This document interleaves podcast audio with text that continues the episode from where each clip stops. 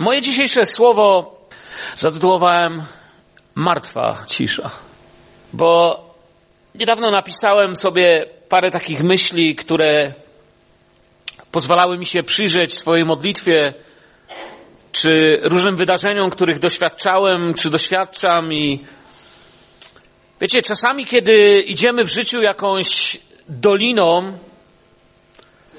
to wydaje się nam, że Bóg nas nie słyszy.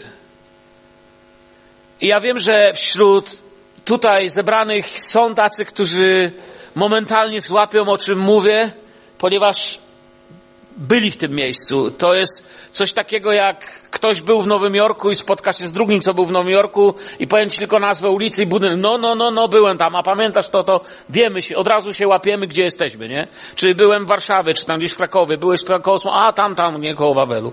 Wiesz od razu, o czym mówię. I coś takiego jest tutaj, w tym krajobrazie duchowym, który chcę opisać, który jest czymś takim, jakbyś jechał samochodem przez góry, doliny, i nie wiem, czy się wam zdarzyło, że prowadziliście czasem samochód i rozmawialiście z kim przez telefon, y, w nawiasie oczywiście z zestawem głośno mówiącym. Zamykam nawias. Rozmawialiście z kimś przez telefon i nagle straciliście zasięg. Mieliście coś takiego? I potem ta osoba odzwania, ty coś nam przerwało. No co przerwało? Brak zasięgu. I czasami w duchowym życiu, w życiu modlitewnym jest coś takiego, że tracisz zasięg. Takie masz przynajmniej wrażenie, że że jest ciemny las, ciemna dolina, ciemna rzeczywistość i nie masz dostępu do Pana Boga. Nie ma odpowiedzi na modlitwę, o tak to powiem.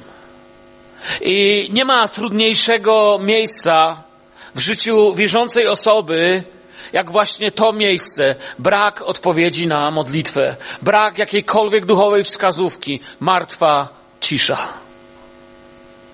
Z ufnością ze łzami, z oddaniem przychodzisz na modlitwę, zacząłeś się modlić w jakiejś sprawie, a tu cisza. No i żeby tylko chciała być cisza, robi się jeszcze gorzej. Jeszcze bardziej sztormowo. Jest już gorzej niż cisza, rozpoczyna się sto, sztorm. Ty prosisz o rozwiązanie, a góry rosną. Ty prosisz o cud, a problem się pogłębia. Sił mniej, a problem coraz większy. Niektórzy z Was już wiedzą, o czym mówię, prawda? Byliście w takim miejscu i, i, i, i wiecie, o co chodzi, nie? Czasami są ludzie, którzy, wiecie, jak słyszałem kiedyś takiego, który mówi, że wszyscy wierzący nigdy nie chorują, nie? Mówił, skończył trzydziestkę, przestał mówić.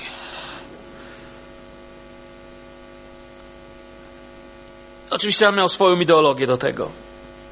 Ale bywa, że jesteś właśnie w takim miejscu, sił mniej, problem coraz większy i nie wiem, postanawiasz stanąć jakoś z tym, rozprawić się i, i, i, spotykasz się na modlitwie i dzień po modlitwie jasno nam świeci słońce wiary. Dzień po modlitwie mówisz, wczoraj mnie zbudowaliście, wczoraj przeżyłem coś.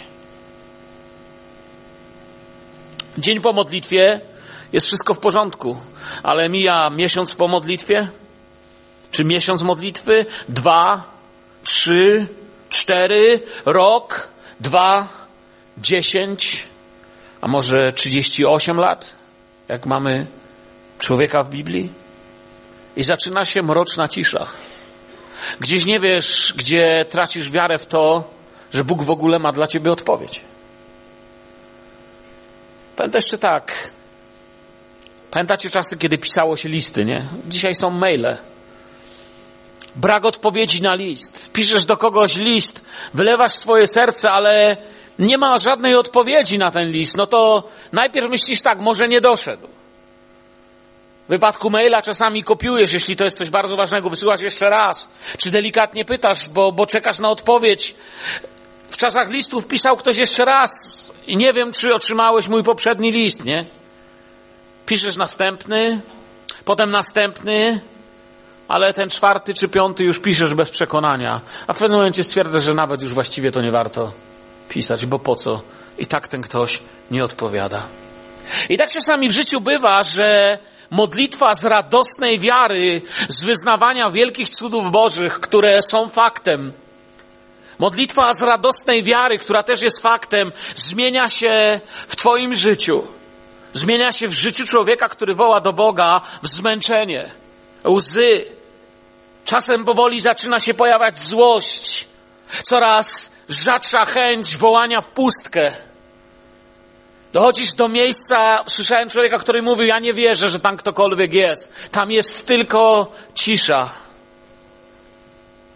I próbował gniewem zmusić Pana Boga do działania.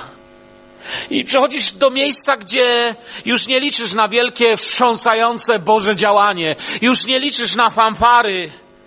Już nie liczysz na to, że zatrzęsą się ściany, że stanie anioł, albo że chociaż rano poczujesz się lepiej.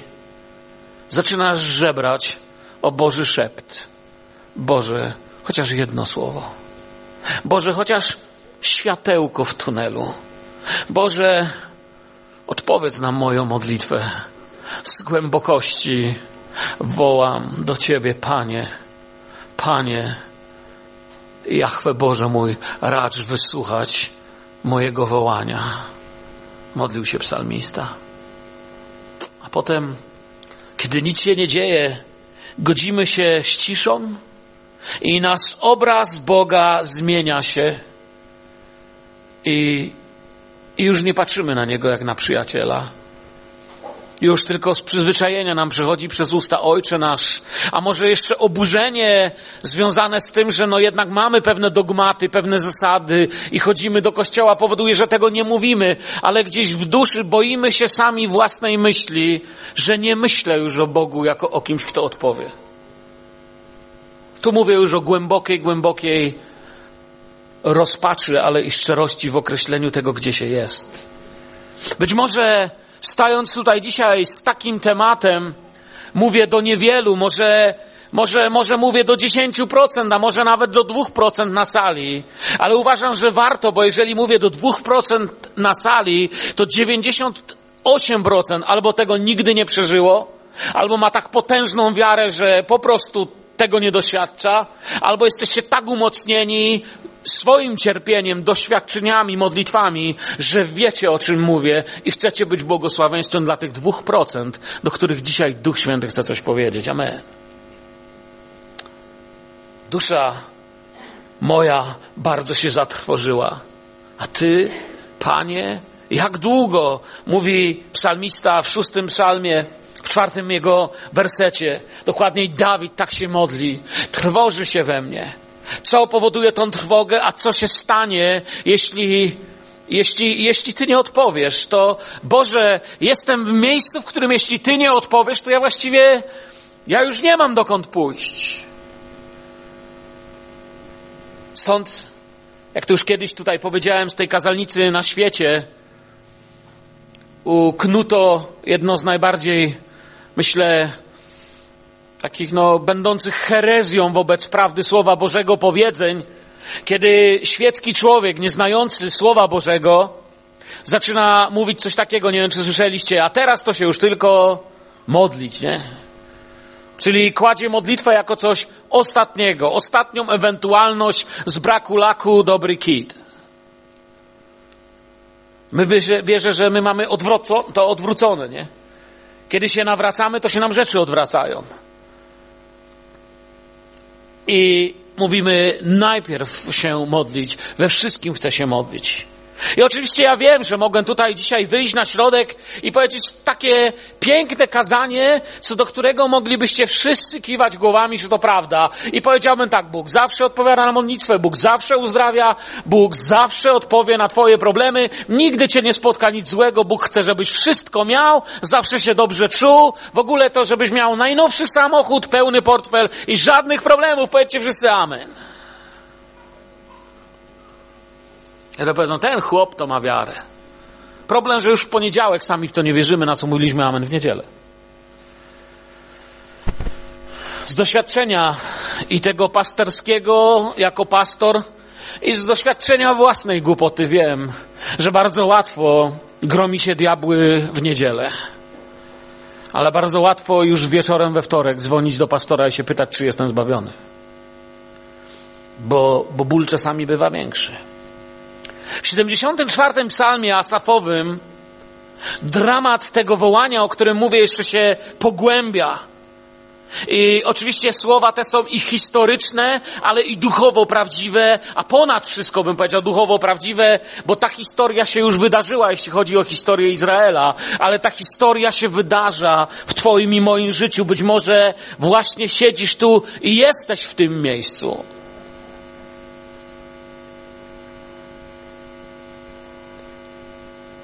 Skieruj kroki swoje ku ruinom które od dawna leżą. Wróg wszystko spustoszył w świątyni. Jeśli ktoś chce sprawdzić 74 psalm, to jest od trzeciego wersetu zacząłem czytać. Ryczeli wrogowie twoi w miejscu twych zgromadzeń. Zatknęli sztandary swoje. Widać, jak się podnoszą w górę siekiery, niby w gęstwinie leśnej. Już wszystkie jej bramy rąbią toporem i rozbijają młotami. Puścili z dymem świątynię Twoją, aż do gruntu splugawili przybytek imienia Twego. Pomyśleli sobie, zniszczymy ją od razu, spalmy w kraju wszystkie miejsca zgromadzeń Bożych. Nie widzimy godeł naszych, już nie ma proroka, a nikt pośród nas nie wie, jak długo. Jak długo, Boże, wróg będzie urągał? Czyż nieprzyjaciel wiecznie będzie bezcześcił Twe imię? Dlaczego cofasz rękę swoją, a prawicę swoją chowasz w zanadrzu? Skończ! Wykrzyknik. Skończ! Gdyby Biblia była poddawana cenzurze, to ludzie by wyrzucili połowę tego, co w niej jest. Są takie wersety, których nie wieszamy na ścianach. Widzieliście kogoś, kto miał ten tekst na ścianie, nad, nad łóżkiem? Boże, czemu milczysz? Ja nie widziałem takiego tekstu nad łóżkiem. Nie chcemy tego, nie? Raczej mamy inne teksty nad łóżkiem. Raczej mówimy, wiesz, chcemy to, co pozytywne i dobrze. No trudno, żebyśmy byli negatywni. To nie jest przecież to, co doświadczamy z Panem. Ale jednak bywają czasy sztormu, czasy ciszy. Czasy ciszy, którą musimy umieć jako wierzący przejść. Wiecie, chcę wam powiedzieć, że Kościół XXI wieku ma mnóstwo wspaniałych Bożych obietnic, działających rzeczy, znaków, cudów, lecz również ma pewną sklerozę w czymś, co kiedyś ludzie wczesnego Kościoła i pierwszego Kościoła nazywali teologią cierpienia. Myśmy ją całkowicie zgubili w naszych czasach. Jeżeli Was ciekawi historia, wiele razy zachęcałem tutaj. Poczytajcie sobie kiedyś na przykład Eusebiusza z Cezarei.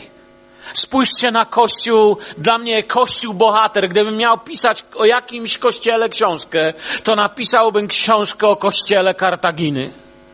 Jeden z najbardziej walecznych, potężnych, niezwykłych kościołów w historii całego kościoła od momentu, gdy Chrystus go powołał do dziś. Oczywiście jest ich wiele innych niezwykłych, ale to był kościół, którego krew wsiąknęła w piach Koloseum Kartaginy.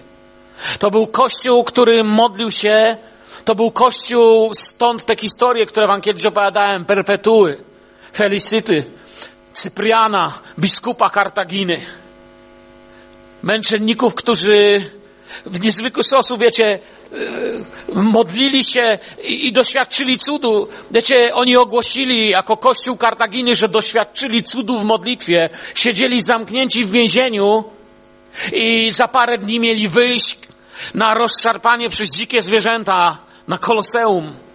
I doświadczyli cudu. Bóg odpowiedział na ich modlitwę. Zgadnijcie, co się stało. Kolejnami naszego myślenia większość z nas pomyślała, puścili ich pewnie. Nie, oni tego nie nazwali cudem. Felicita właściwie się modli, modliła, dlatego że była brzemienna, żeby ją nie wypuszczono. Ponieważ prawo Kartaginy i przesądy i bałwochwalcze religie Kartaginy, jak też i prawo Rzymu nie pozwalało zamęczyć na w koloseum kobiety brzemiennej. Uważali to po prostu to nie chodziło o ich etykę. Oni uważali, że, że to im przyniesie pecha po prostu. I Felicita się modliła i prosiła Boga o cud urodzin, żeby mogła wyjść z kościołem na męczeństwo. Ale to nie do tego, to opowiadałem już. Jakiego cudu doświadczyli? Wiecie, na czym polegał ich cud? Dlaczego złożyli świadectwo, że Bóg wysłucha ich modlitwy? Bo pozwolili się im Rzymianie ochrzcić. Katechumeni, którzy byli zamknięci razem z Kościołem, podjęli decyzję. A pytanie było tylko jedne. Brutalni rzymscy strażnicy zadawali pytanie, czy wypierasz się swojej wiary? Perpetua jako umocniona w wierze, legendarna postać kościoła Kartaginy. Jej ojciec, bogacz, namawiał ją, przynosili, przyprowadzali jej synka. Mówili, zobacz na to dziecko, przecież chłopiec jest mały. Jak ty go możesz zostawić? Jej ojciec mówi, słuchaj, ja mam pieniądze, ja popłacę gdzie trzeba. Dam wam budynek pośrodku moich winnic. Przecież wiesz, że tam jest bezpiecznie. Tam nasza straż będzie was pilnować. Powiedz im teraz, że nie wierzysz w żadnego Boga. Że go nie ma. Przecież nie możecie zginąć tak o. Nie mogę stracić córki, co ty? Przecież tylko chcą, żebyście powiedzieli, że zapieracie się tego waszego Jezusa. Powiedz im, a potem idźcie, ja wam dam ten budynek, tam się módlcie. Wtedy padły te legendarne słowa. Czy widzisz te dwa glinane dzbany? Widzę, córko, ale co to ma wspólnego z życiem? Tato, ja jestem jak ten gliniany dzban. Chrześcijanin jest kimś, kto jest pełny ducha, pełny Chrystusa. Idź i próbuj zmienić kształt tych dzbanów, skruszysz je i wyleje się woda. Jestem tym, kim jestem i trzeba mnie zabić, żebym przestała być tym, kim jestem. I wtedy pozwolili się im ochrzcić. I parę dni przed swoim męczeństwem ludzie wchodzą do wody i są chrzczeni i wyznają swoją wiarę w Pana. I nie staje się żaden cud. Jak pamiętacie, zostają wszyscy zamordowani. Felicita owinięta jedynie w sieć rybacką, zdeprana przez krowę, mówiłem o tym tu ostatnio, podniesiona przez perpetuę poprowadzona, bo ledwie już mogła chodzić do bramy gladiatorów, gdzie jeden z wyznaczonych gladiatorów dokonał na niej wyroku śmierci. Najczęściej wyznaczano takiego niedoświadczonego, żeby to cierpienie było dłuższe, ponieważ doświadczony gladiator zadawał śmierć w ciągu sekundy.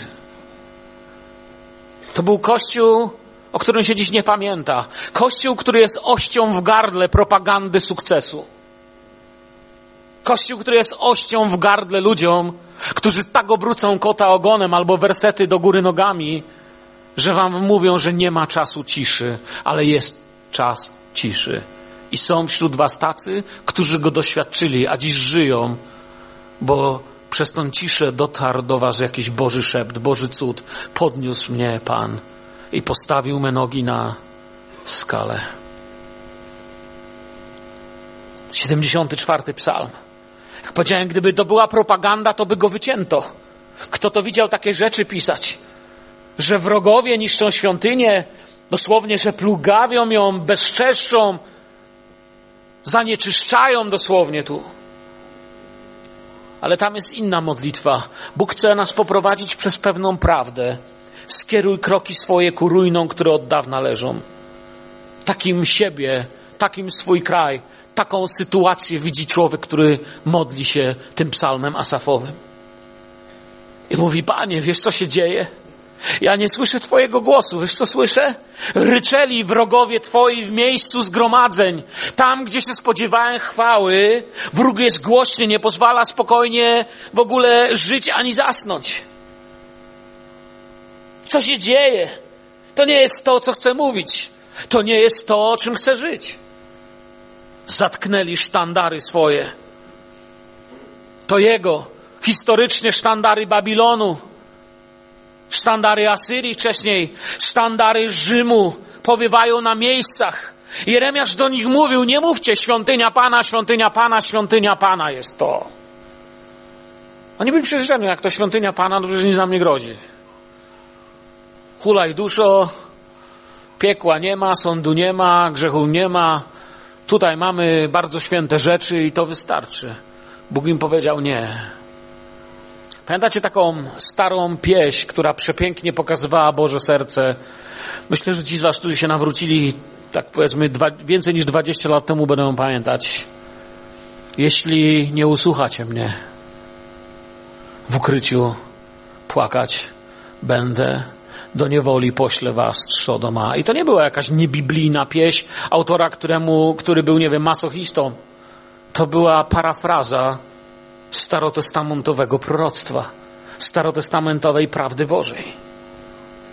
Już wszystkie jej bramy rąbią toporem, rozbijają młotami, czyli wszystko, w co wierzymy. Wiecie, bramy Izraela, to, to każda z tych bram to jeden ton księgi, którą moglibyście napisać.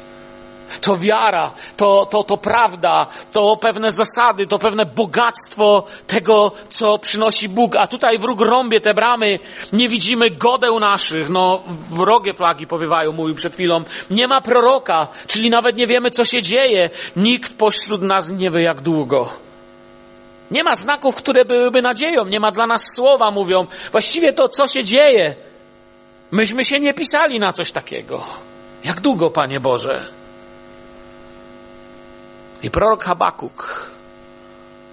My wiecie, lubimy trochę proroka Habakuka tak czytać, jakby ktoś oglądał amerykański film i włączał sobie tylko ostatnie pięć minut. Czyli happy end. Ale to Habakuk, zanim zaśpiewa choćby figi nie zakwitły. Prorok Habakuk pyta o to samo, co niepokoi i twoje wnętrze, być może dzisiaj w ten niedzielny poranek, bo są sprawy, które nie pozwalają ci może spać, które cię budzą. Dokądże, Panie, będę wołał o pomoc, a Ty nie wysłuchasz?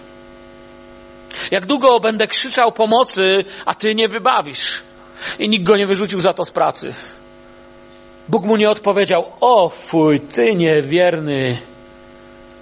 Wyznawaj, że wszystko jest dobrze, a nie tu jakieś takie. Habakuk Piękne hebrajskie słowo. To znaczy Habakuk. Habakuk to znaczy przytulić z czułością i miłością. Habakuk. Habakuk, który chciał być też chyba przytulony z miłością przez Boga. Chciał tego, co ty potrzebujesz w swoim życiu, być przytulony z miłością przez Boga. Pisze takie teksty. Jak mówię, zanim zaśpiewamy z Habakuka, choćby figi nie zakwitły, ale jednym okiem patrzymy, czy aby na pewno kwitną. Musimy się czegoś nauczyć.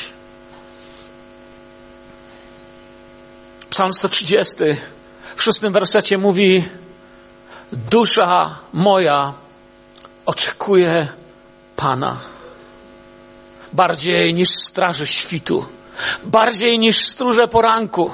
I my może tego nie rozumiemy, to jest szósty werset, 130 psalm. Może tego nie rozumiemy, wiecie, bo, ale historycznie, wiecie, co to oznaczało? Historycznie to znaczyło, to była, to, że, że ta straż przedporanna to była ta bardzo trudna straż. To była ta straż, która ewentualnie musiałaby odeprzeć największy atak wroga. To właśnie jeśli coś się złego miastu miało stać, to się działo o świcie. To wiecie już z innych wykładów, nie? To jest że tak powiem, militarna i historyczna prawda. Dusza oczekuje Pana. Dusza oczekuje Pana. A, a co to znaczy? Czy to sprytne słówko w chrześcijańskim slangu, które ma nie znaczyć nic, ale brzmieć jakby coś znaczyło? Bo chcę Wam powiedzieć, przyjaciele, Coś, co wiem, że wielu z Was się już nauczyło, inni się uczą, inni się będą uczyć. Czekanie na Pana nie jest nic nie robieniem. Czekanie na Pana to nie znaczy, że nic nie robię. Nie jest, nie jest to, że teraz czekam na Pana, daj mi spokój. Jest rodzajem aktywności, jaka być może może się Wam nie spodobać. I szczerze mówiąc, mi się też nie podoba. Ale jest prawdą i muszę ją przyjąć. Nie chcę przed wami stać, wiecie, jak radykalny kaznodzieja i ja wam dziś powiem coś, co się wam nie spodoba. Mi się podoba, bo jestem święty, ale wam się nie spodoba. Nie. Mnie też, ja bym wolał prościej. Mnie też to tak samo jak was boli, że czasem nie mam odpowiedzi na modlitwę i trwam w ciszy, mówię, panie, co mam robić z tym? Ale jest pewna prawda, o której chciałbym tym wykładem dzisiejszym pouczyć. I siebie jeszcze raz, i was, jeśli zechcecie przyjąć. i skonfrontować to z tym, co Duch Święty do Was mówi, co znajdziecie w Słowie Bożym. Czekanie na Pana nie jest nic zrobieniem i tu się musi coś zmienić. Nauczyliśmy się żyć inaczej. Pierwsza ważna myśl, którą chcę Wam powiedzieć, byś, jeśli możecie, zapamiętajcie, cierpliwie czekać na Pana, to znaczy nie przestawać się modlić. Takie proste, takie trudne.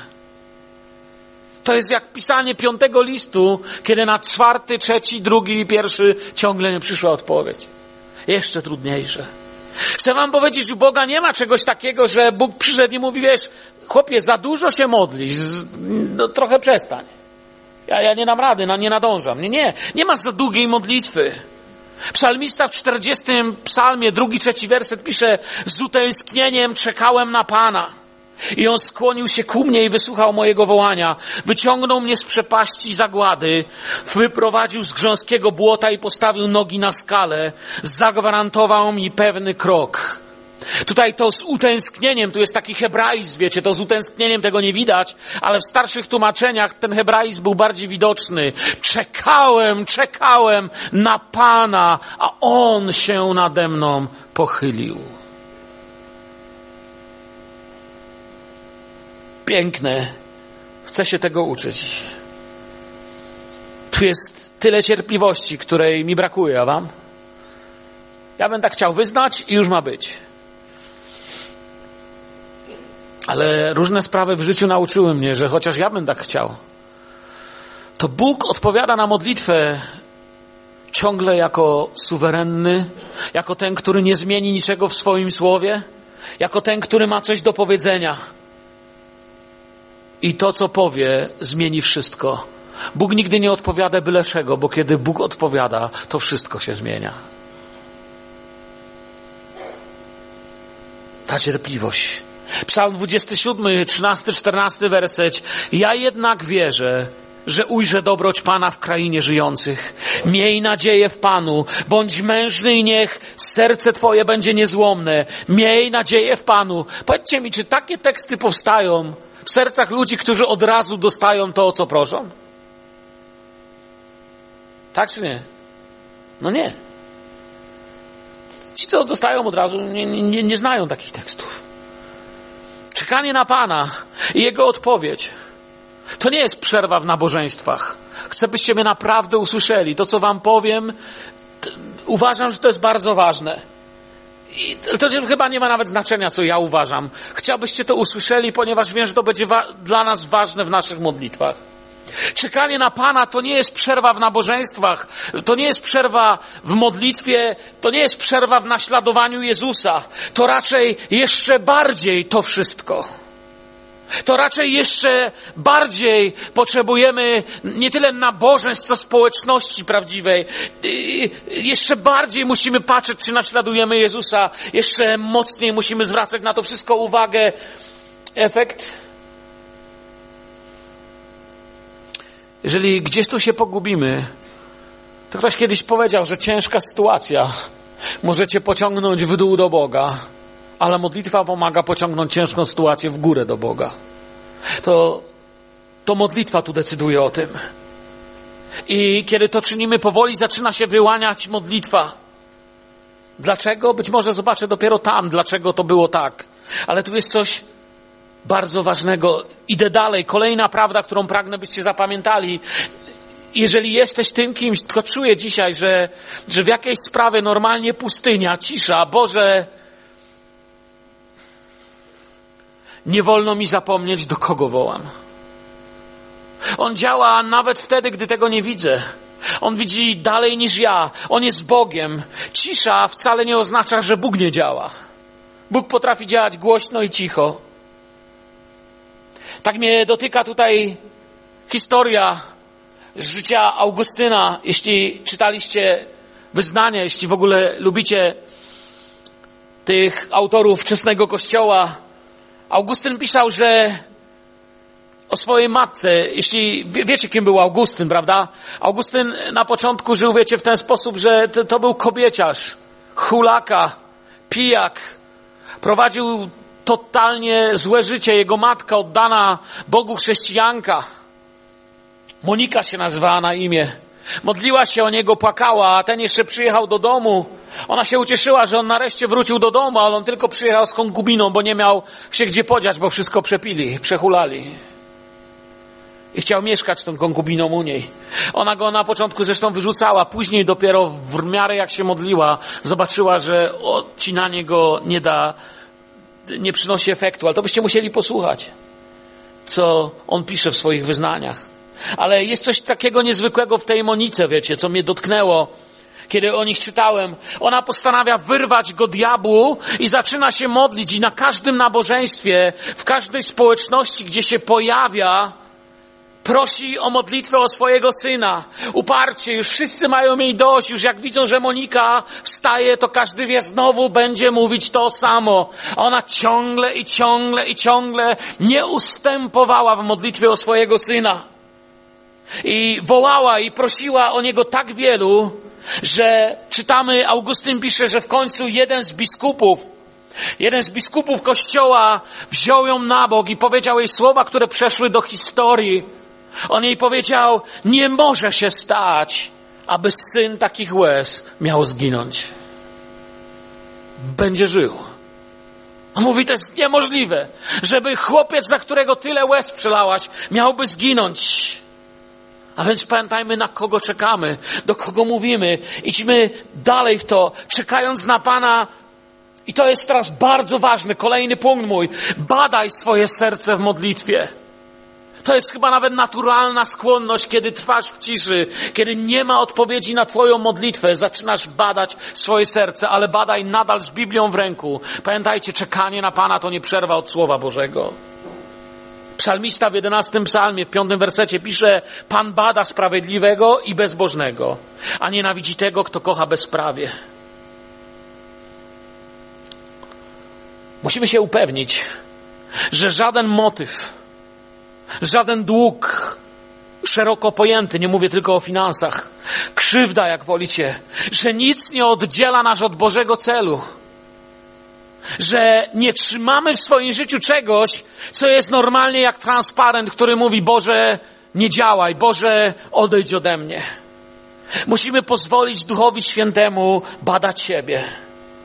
Wyznanie i porzucenie grzechów jest ważną częścią uzdrowienia w każdej sprawie, nie tylko fizycznej.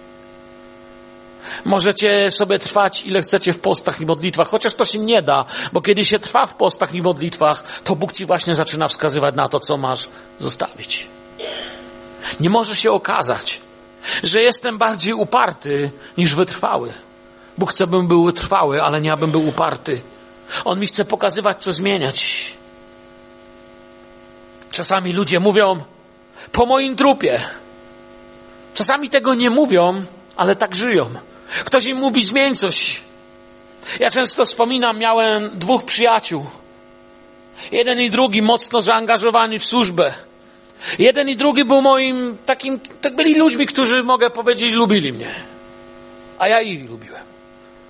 Miłowaliśmy się. I jeden, ale oni z sobą mieli problem, wiecie, no. Pokłócili się tak, że nie szło tych facetów dwóch. Ja na przykład nigdy nie, mógł, nie mógłbym ich razem zebrać. I kiedyś na jednej konferencji tak się złożyło, że miałem ich dwóch w tym samym zborze. Przyszło mi do głowy, że się postaram o to, żeby jakoś ich spotkać.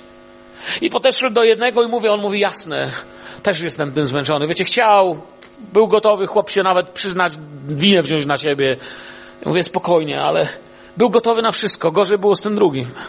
Podchodzę do niego i mówię, słuchaj, może być czas, żebyście to skończyli. Nie chcę tu imion używać, to nie ma znaczenia. Chcę wam pewną sytuację opowiedzieć. I wiecie, on na mnie spojrzał. I mówi do mnie, ja, ja nigdy nie spodziewałem się, że tak może odpowiedzieć. Właśnie tak mi odpowiedział. Mówi, po moim trupie. Ja nie wiedziałem, co z tym zrobić. Wiecie, jak się ta sytuacja skończyła? Wiele lat później odwiedziłem go. Był już wtedy workiem żółtej skóry i samych kości. Nowotwór właściwie skończył go pożerać. I przyszedł dzień, kiedy zrozumiał, że to są ostatnie dni. Jakoś mnie ruszyło i mówię do niego, słuchaj, może bym zadzwonił. Wiesz, o kim mówię. A on zaczął płakać, mówię, wiem, zadzwoń. Nie wiem, czy przyjedzie. Ja mówię, ja wiem, że on przyjedzie. On chciał już dawno to załatwić. Zadzwoniłem. W tamtym czasie życie ich rozdzieliło. Jeden mieszkał w innym mieście, drugi w innym mieście. Także tamten musiał kawałek jechać. Ale od razu wsiadł w samochód. I najszybciej jak się dało był na miejscu. Patrzyłem na nich i widziałem, jak trzymają się za ręce. Skończyłem się modlić i odsunąłem się do tyłu. A on jeden leżał i mówię wam, wyglądał już jak, jak wcielenie śmierci. A ten drugi stał nad nim, ale nagle w oczach obydwu z nich dało się to wyczuć. W atmosferze to się dało wyczuć. Pan załatwił sprawę, oni załatwili sprawę. I tak stali i trzymali się za ręce i razem płakali jak małe dzieci. Dorośli, z siwymi głowami mężczyźni. Pomyślałem sobie, czemu teraz? Chcę ci powiedzieć, badaj swoje serce. Czasami ludzie wzywają radę starszych i proszą o pomazanie olejem. Jeśli chcecie wiedzieć, w pierwszym kościele wezwanie starszych z pomazaniem olejem oznaczało przede wszystkim spowiedź.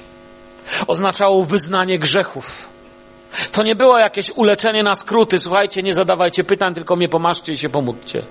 To oznaczało bardzo, być może czasami trudną rozmowę. Oznaczało wyznanie grzechów. Oznaczało dla wczesnego kościoła, to oznaczało, że człowiek musi się otworzyć, ponieważ stoi na progu nieodwracalności. Być może jest coś, czego się uparcie trzymasz.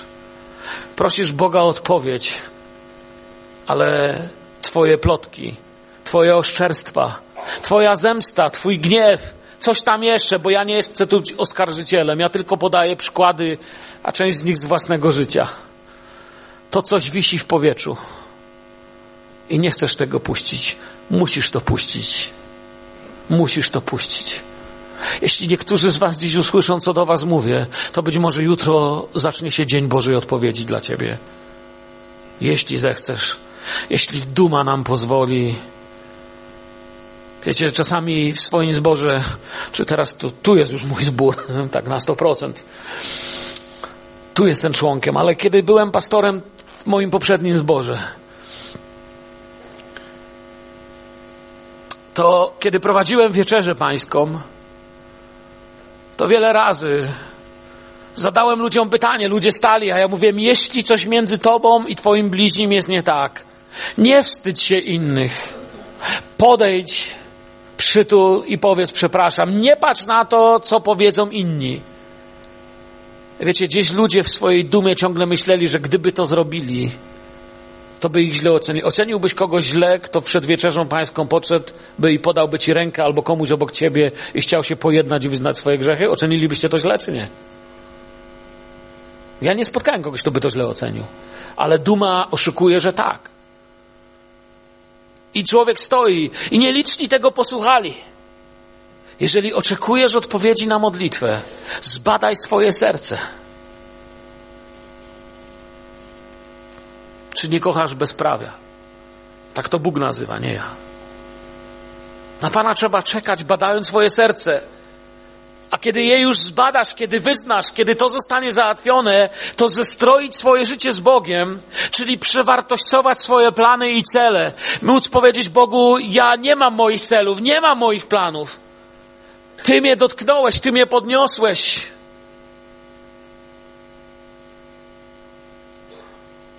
Jestem Twój. To właściwie następstwo tamtego punktu. Jeśli znalazłem zło, wyznałem. Coś zmieniłem. Relacja z Bogiem jednak nie kończy się na pokucie. On nie mówi, masz szczęście, a teraz się cicho. Ten proces widać pięknie w liście do Filipian, trzeci rozdział 8-9. Wreszcie, bracia, myślcie tylko o tym, co prawdziwe, co poczciwe, co sprawiedliwe, co czyste, co miłe, co chwalebne, co jest cnotą, co jest godne pochwały. Zobaczcie, jaka lista. To jest to, o czym myślicie, jeśli odbyliście właściwą pokutę. A jeśli nie odbyłeś właściwej pokuty, to będziesz myślał na odwrót, o tym, co odwrotnością tego, co przeczytałem, bo nie chcę czasu niepotrzebnie zabierać. Temu nie wybaczę. Jak przyjdzie przeprosi, to mu wybaczę. Stój sobie w tym. To jest nauczanie z obietnicą. Czyńcie to, czego się nauczyliście, dalej mówi. I co przejęliście, co usłyszeliście i co widzieliście u mnie. A Bóg pokoju będzie z wami. Czy to nie jest Twoje pragnienie? Czy nie tego pragniesz, patrząc na swoje dzieci, swojego męża, swoją żonę, swoją rodzinę, siostrę, brata, sąsiada? Czy nie pragniesz, żeby Bóg pokoju był z Tobą? Oto nauczanie z obietnicą. Moja pokuta i wyznanie grzechów nie potrwa długo, jeśli nie skupię się zaraz potem na liście do Filipian na tym dokładnie miejscu. Dalej, wypatrywać Boga, czekać na Boga oznacza jeszcze mieć otwarte serce, otwarte uszy na Jego bliskość.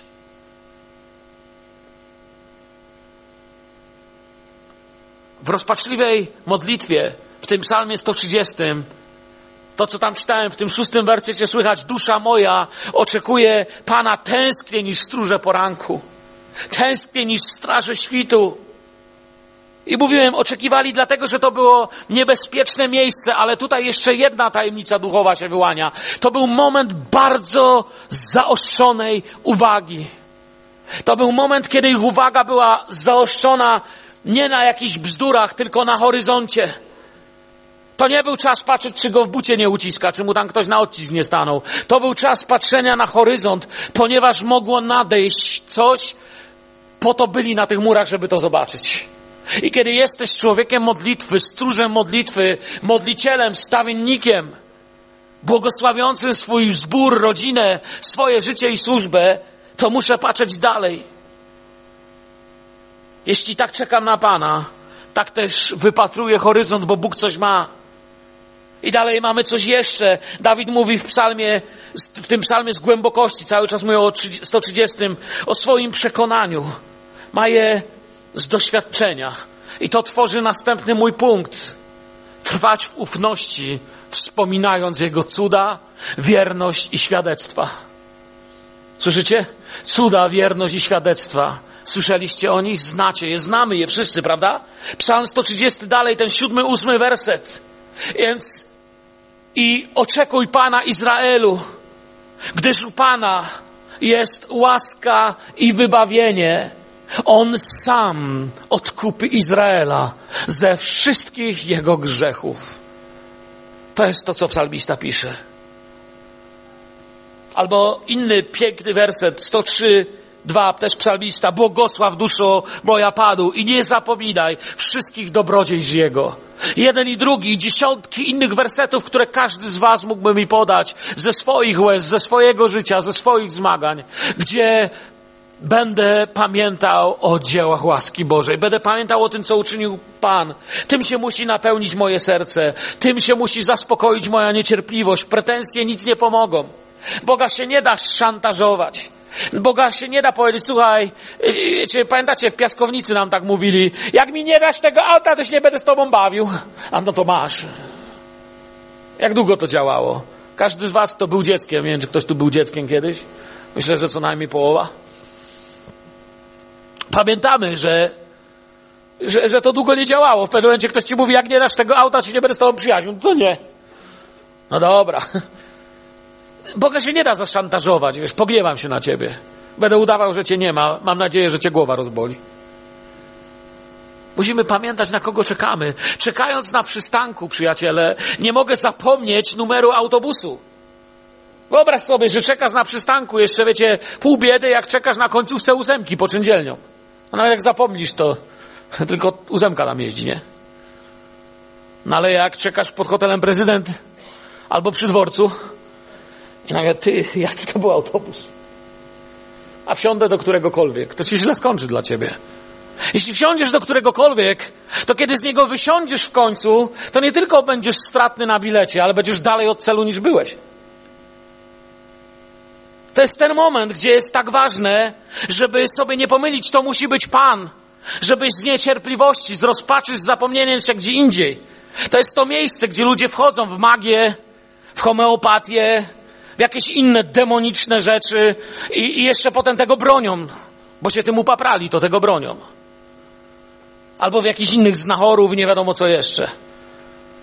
Jak to działa? Nie wiadomo jak działa, ale działa. Mnie to nie zadowala. Są dwa rodzaje uzdrowień, którymi ja jestem zadowolony. Albo to będzie uzdrowienie, które rozumie medycyna, albo to będzie uzdrowienie, które otrzymam w imieniu Jezusa. Inny wolałbym umrzeć. Ponieważ ja wiem, że na tym świecie jest wiele drzwi, które diabeł chce ci otworzyć, które zło chce ci otworzyć. To musi być Pan. Nie zapominaj imienia Jezusa. Jeśli to cokolwiek to jest, to żyj w imieniu Jezusa. To ono będzie Cię trzymać, Jego słowo Cię będzie trzymać. To ten moment, gdy jest tak ważne, by być właśnie w kościele pełnym świadectw. Powiem Wam tak, kościół bez świadectw. Wiecie, co się dzieje? Ja tak dziękuję dzisiaj siostrze, która miała świadectwo. Chyba siostra Gosia się nazwała, tak? Dziękuję, gdziekolwiek jesteś, za to świadectwo. Wiecie, co robi Kościół ze świadectw? Kościół ze świadectwami nie przestaje się modlić. Kościół bez modlitwy staje się kościołem bez świadectw. A Kościół bez świadectw powoli przestaje być kościołem bez modlitwy, z modlitwą. Staje się kościołem, w którym nikt się o nic nie modli, bo i tak właściwie tylko co niedzielę prosimy o taką, siaką, owaką, ale nikt nigdy nie przychodzi podziękować. A gdzie jest dziewięciu? zapytał Pan. Gdzie tych dziewięciu? Brak tych dziewięciu powoduje, że ludzie myślą, przez to, że trzymamy to dla siebie, że Bóg nie działa. A słuchając Jego wierności i cudach, uświadamiamy sobie, że On zawsze działa we właściwym czasie. Jezus nigdy się nie śpieszył i Jezus nigdy się nie spóźnił. Jezus przyjdzie do ciebie. Czekaj na Pana aktywnie. Zbadaj swoje serce. Wyznaj, co trzeba. Nie bierz niczego innego, co ci się podsuwa. Czekaj tylko na Pana. Bo psalmista w 25 psalmie mówi, zaiste wszyscy, którzy nadzieję pokładają w Tobie, nie zaznają wstydu, zaznają wstydu ci, co bez przyczyny nie dochowują wiary. Czy jest jakaś przyczyna, żeby nie dochować wiary? Oprócz naszej niecierpliwości i zawodnej ludzkiej logiki nie ma. I na koniec, ostatni mój punkt. Uważajmy, aby nie odrzucić Boże odpowiedzi na naszą modlitwę. Ja wiem, że słyszeliście tą historię 150 razy. A ja opowiem 151, jak pozwolicie. Ona jest zamiast tysiący słów w kilku zdaniach.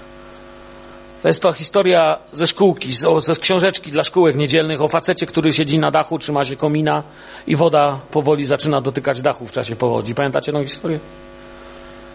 I chłop zaczyna się modlić. Boże, przyjdź mi z pomocą. I, i straż podpływa, mówią wsiadaj. Mówi, nie, ja jestem wierzący, mnie takie sposoby nie interesują. Boże, ja tylko w Tobie. Chwilę podpływa jakaś druga łódka. Chłop mówi, wsiadaj pan, ratujemy wszystkich. Nie, mnie nie interesuje. To są wasze cielesne sposoby. Mnie Bóg interesuje.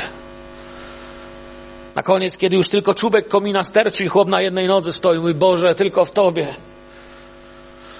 Śmigłowcem się straż opuszcza i przez głośniki mówią, wsiadaj pan, ratuj się pan. Mnie nie interesuje. Nie, nie, nie. Kiedy staję przed Panem, mówi, jestem rozczarowany że już umarłem. A ja Cię prosiłem o pomoc, a Bóg mówi, ja Ci trzy razy posłałem, ale nie chciałeś. Ja wiem, że to słyszeliście. Ale to określa coś, co chcę powiedzieć. Uważaj, aby nie odrzucić Bożej odpowiedzi na swoją modlitwę. Mając to wszystko w sercu i myśli, tak czekając na Pana, jeśli jesteś gotowy zostawić to, co Twoje, jeśli ja jestem gotowy pojednać się, wyznać, nie używać metod, których nie powinien używać wierzący człowiek. Jeśli tak czekam na Pana, to coś Ci powiem, kończąc. Możesz najpierw szeptem, aż to spontanicznie zacznie być głośne, zaśpiewać pieśń, o którą ciekawe, czy grupa uwielbienia da radę ją zaśpiewać za chwilę. Daję Wam wyzwanie. Choćby figi nie zakwitły. Figowce winorośli straciły swój plon. Zabrakło na drzewach oliwek i nadziei na chleb z plonów pól, choć w zagrodach wybito by owce. Obory opustoszałyby z krów. To ja. To teraz już parafrazuję, oddaję, dodaję siebie, nie? To ja czekałem. Ja wyznałem. Ja wiem, kim Ty jesteś. i zrobiłem wszystko, co Twoje słowo mówi, że powinienem uczynić, a potem zbadałem przez Twego ducha swe serce i wracam do Słowa Bożego. Ja jednak będę radował się w Panu, cieszył Bogiem mojego zbawienia. Ja nie mogę nic więcej do tego dodać, ani z tego ująć. Ja nie jestem Duchem Świętym, ani nie ma go tutaj w sensie, że siedzi w ubraniu i ma postać człowieka, chyba że jest, ale mi o tym nie powiedział. Duch Święty jest natomiast w tym kościele i dzisiaj mówi do ciebie. Duch Święty jest w Twoim życiu obecny, dlatego że narodziłeś się na nowo. Dlatego, że Bóg chce mieć społeczność z człowiekiem. Nawet jeśli się nie narodziłeś na nowo, nie nawróciłeś, nie przyszedłeś do Boga, dzisiaj tutaj czujesz, jak Bóg do ciebie szepta. On jest Bogiem miłującym, Bogiem, który przychodzi, Bogiem, który chce się ciebie dotknąć. Może z całą resztą, która za chwilę nie podniesie ręki, bo chcę was poprosić, abyśmy się modlili. Ci z nas, co nie podniosą ręki, uważnie teraz patrzmy na salę. A ja poproszę tych z was, którzy są na pustyni, w jakiejkolwiek modlitwie o dziecko, o małżonka, o zdrowie, aby za chwilę podnieśli rękę i nie chcemy się modlić w tej chwili, wiecie, taką modlitwą, no to Panie było kazanie, wypada coś powiedzieć, no więc no, błogosław. Nie. Chcemy się modlić, Duchu Święty. Zaświeć, oświeć, dotknij. Pokaż mi, gdzie jest problem. Jeśli nie dostanie ktoś cudownego obdarowania, to tego ci nie powie żaden człowiek. Ale Bóg, jak go będziesz pytał, delikatnie ci pokaże i powie: Zobacz, już tyle lat jesteście sobie wrogami. Mówisz, że nie, ale czy aby na pewno? Albo zobacz, już tyle lat trzymasz się tego. Ja wiem, że ty mówisz, że to nie plotki, to tylko prawda. Nie, to są plotki. Albo już tyle lat żyjesz w oszczerstwie i źle mówisz o swoim bliźnim, chociaż nic ci nie zrobił. Po prostu go nie lubisz, no. Bo jest za gruby, za chudy albo ma krzywy nos. Albo, albo coś ci kiedyś powiedział, jak śmiał w ogóle. Wybacz majestacie. Nie wiem, co to jest. Duch Święty wie. A może po prostu sam już nie wiesz, co to jest i w szczerości serca czekasz na Pana i mówisz, chłopie, ja już wszystko zrobiłem. Ale lekarz dalej mi mówi, że wyniki są złe. Mój syn, moja córka, nie wiem, dalej pije albo się stacza. Moi rodzice dalej bluźnią albo coś tam jeszcze, czego ja nie, przecież nie wymienię wszystkich problemów. Ja już nie wiem czemu. Ja też nie, ale on wie. W to uwierz na początek. Przyjaciele, kto z Was potrzebuje modlitwy w takiej sprawie, aby Pan Was posilił w tym czekaniu? Resztę z Was proszę, obejrzyjcie się, żeby nie musieli długo trzymać rąk, bo już i tak je długo trzymają niektórzy w górze. To są ci, którzy podnieśli ręce. Filadelfios, Boże, wstańmy i pomódlmy się o tych, którzy potrzebują dzisiaj. Pamiętajcie, nie wstajemy dlatego, żeby odbębnić punkt programu. Czyli teraz, kiedy się inni będą modlić, to ja sobie poczekam. No, kazał, to wstałem. Jak masz tak stać, to lepiej se. Wstałem, ponieważ potrzebuję modlitwy. Wstałem, ponieważ jestem modlicielem. To jest jedna z dwóch opcji. Panie, zwracamy się do Ciebie w szczerej modlitwie. O naszych bliźnich, którzy dzisiaj pośród nas podnieśli rękę o naszych braci i siostry, być może gościa tu w zborze, którzy wstali i powiedzieli, ja nie wiem dlaczego, ale nie ma odpowiedzi. Trwam w martwej ciszy. Nie wiem, co się dzieje. Chcemy Cię, Panie, prosić, abyś ich posilił. Chcemy Cię prosić, abyś, Panie, dał taką pełną ochronę, abyś dał im mądrość, abyś nam, którzy, Panie, dzisiaj może mamy lżejszy czas, dał mądrość, objawienie, posilenie dla nich, słowo mądrości. Wstąp, Duchu Święty, bo Ciebie wszyscy gorąco pragniemy. Pragniemy Ciebie jako tego, który przychodzi w słowach mądrości, proroctwa, poznania, uzdrowienia. Proszę Ciebie, Panie, dzisiaj o wszystkich, którzy zapragnęli takiego Twojego rozwiązania. Panie, proszę Cię o tych, którzy wracają stąd i mówią, stałem tylko dlatego, że powiedział, ale idę do domu, już się niczego nie spodziewam. Panie, my się za nich chcemy spodziewać. Ja się za nich spodziewam, ja ich błogosławię, Panie. Ja nie, nie, nie zgadzam się z tym, aby w naszym sercu, Panie, taka żółć była, taka gorycz. Proszę Cię o tych, którym brakuje siły. Panie, chcemy im pomóc nieść ten ciężar nie tylko słowami, nie tylko tym, co mówię, ale chcę tak żyć, abym mógł być modlicielem dla nich. Panie, usuwaj z naszego życia to, co przeszkadza w gorącej modlitwie. Usuwaj z naszego życia to, co przeszkadza podnosić bliźnich i iść Twoimi śladami. Śladami, które prowadzą przez miejsca, gdzie tam, gdzie byli chromi, już ich nie ma. Tam, gdzie byli chorzy, już ich nie ma. Tam, gdzie było nieszczęście, już go nie ma. Dziękuję Ci, Panie. Wywyższam Ciebie. Dziękuję Ci, że wysłuchałeś naszego głosu. Dziękuję Ci, że Ty jesteś Bogiem, o którym psalmista z radością śpiewał, że zmieniłeś moją skargę w taniec i rozwiązałeś mój wór pokutny, aby moje serce, moje wnętrze uwielbiało Ciebie z Bożą radością. Tobie chwała i cześć, Panie nasz i Boże. Amen.